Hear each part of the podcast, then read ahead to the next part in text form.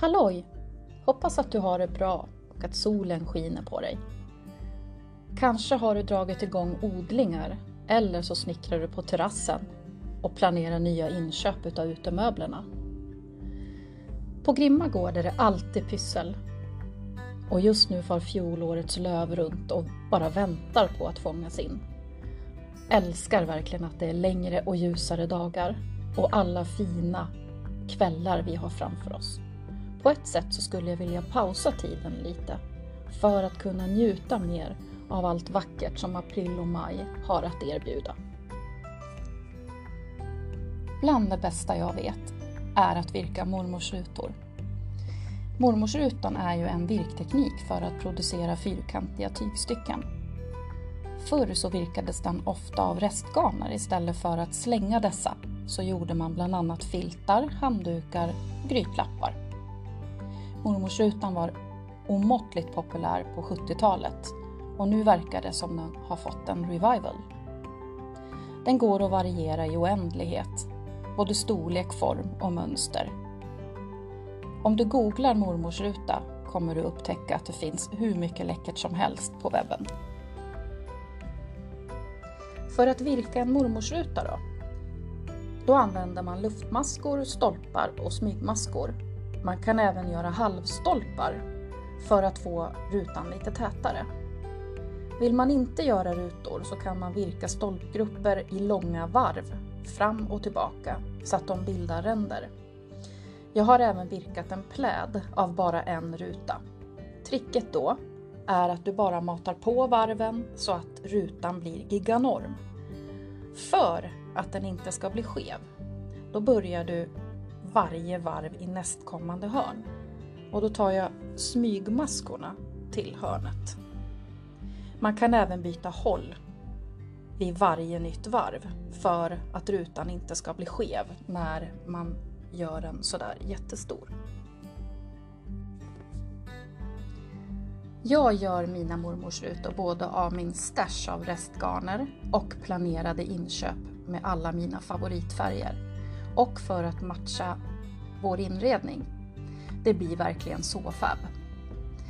Författarna Susanna Sacke och Sanja Hedengren är mästare på att variera mormors rutor i sina böcker.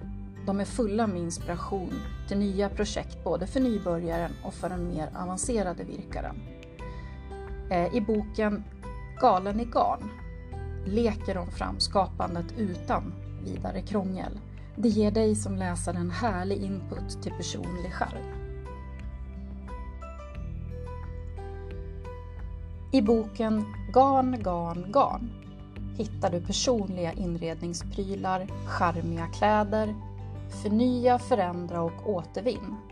Garnera dina gamla grejer med garn så blir de som nya. Du vet, köp inte snöret när du slagit in presenten utan virka det istället. Uppskattat och snyggt.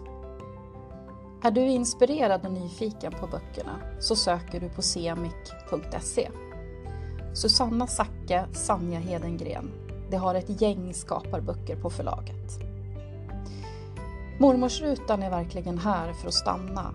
Har man väl börjat virka den så kan jag lova att den är verkligen beroendeframkallande.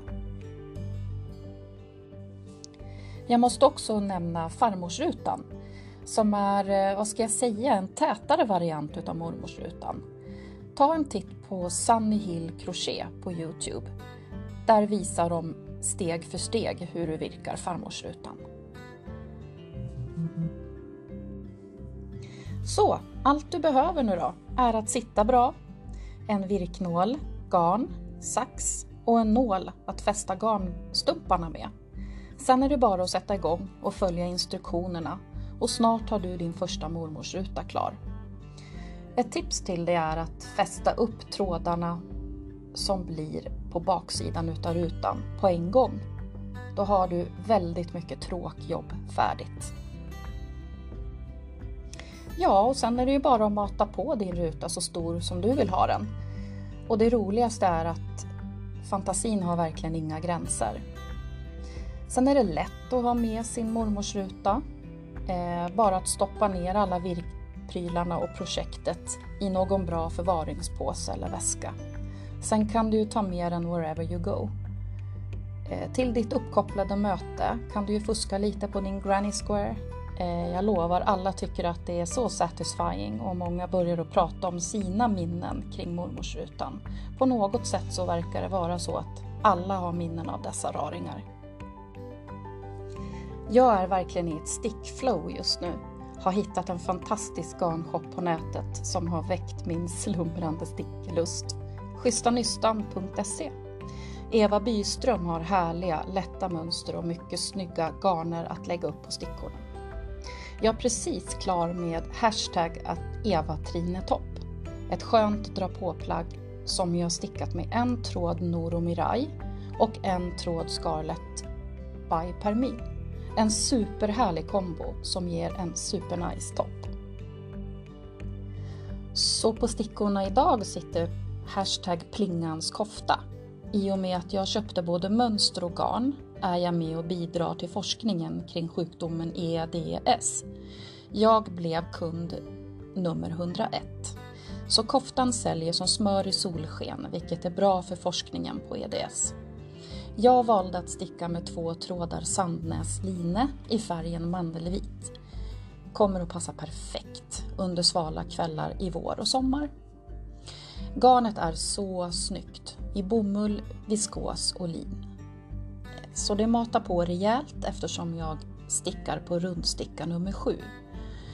Så in och köp garn och mönster och bidra till mer forskning kring sjukdomen EDS på schysstanystan.se. PS. Eva är snabb att plocka och posta din order. Tack Eva på Schyssta Nystan. Sådär ja. Det går fort när man har roligt. Då var det liksom bara slut kvar. Eh, när vi hörs nästa gång så tänkte jag tipsa om hur man tar hand om eh, vinter och vårtrötta händer. Det är ju faktiskt viktigt att huden inte frasar när man håller på med garn.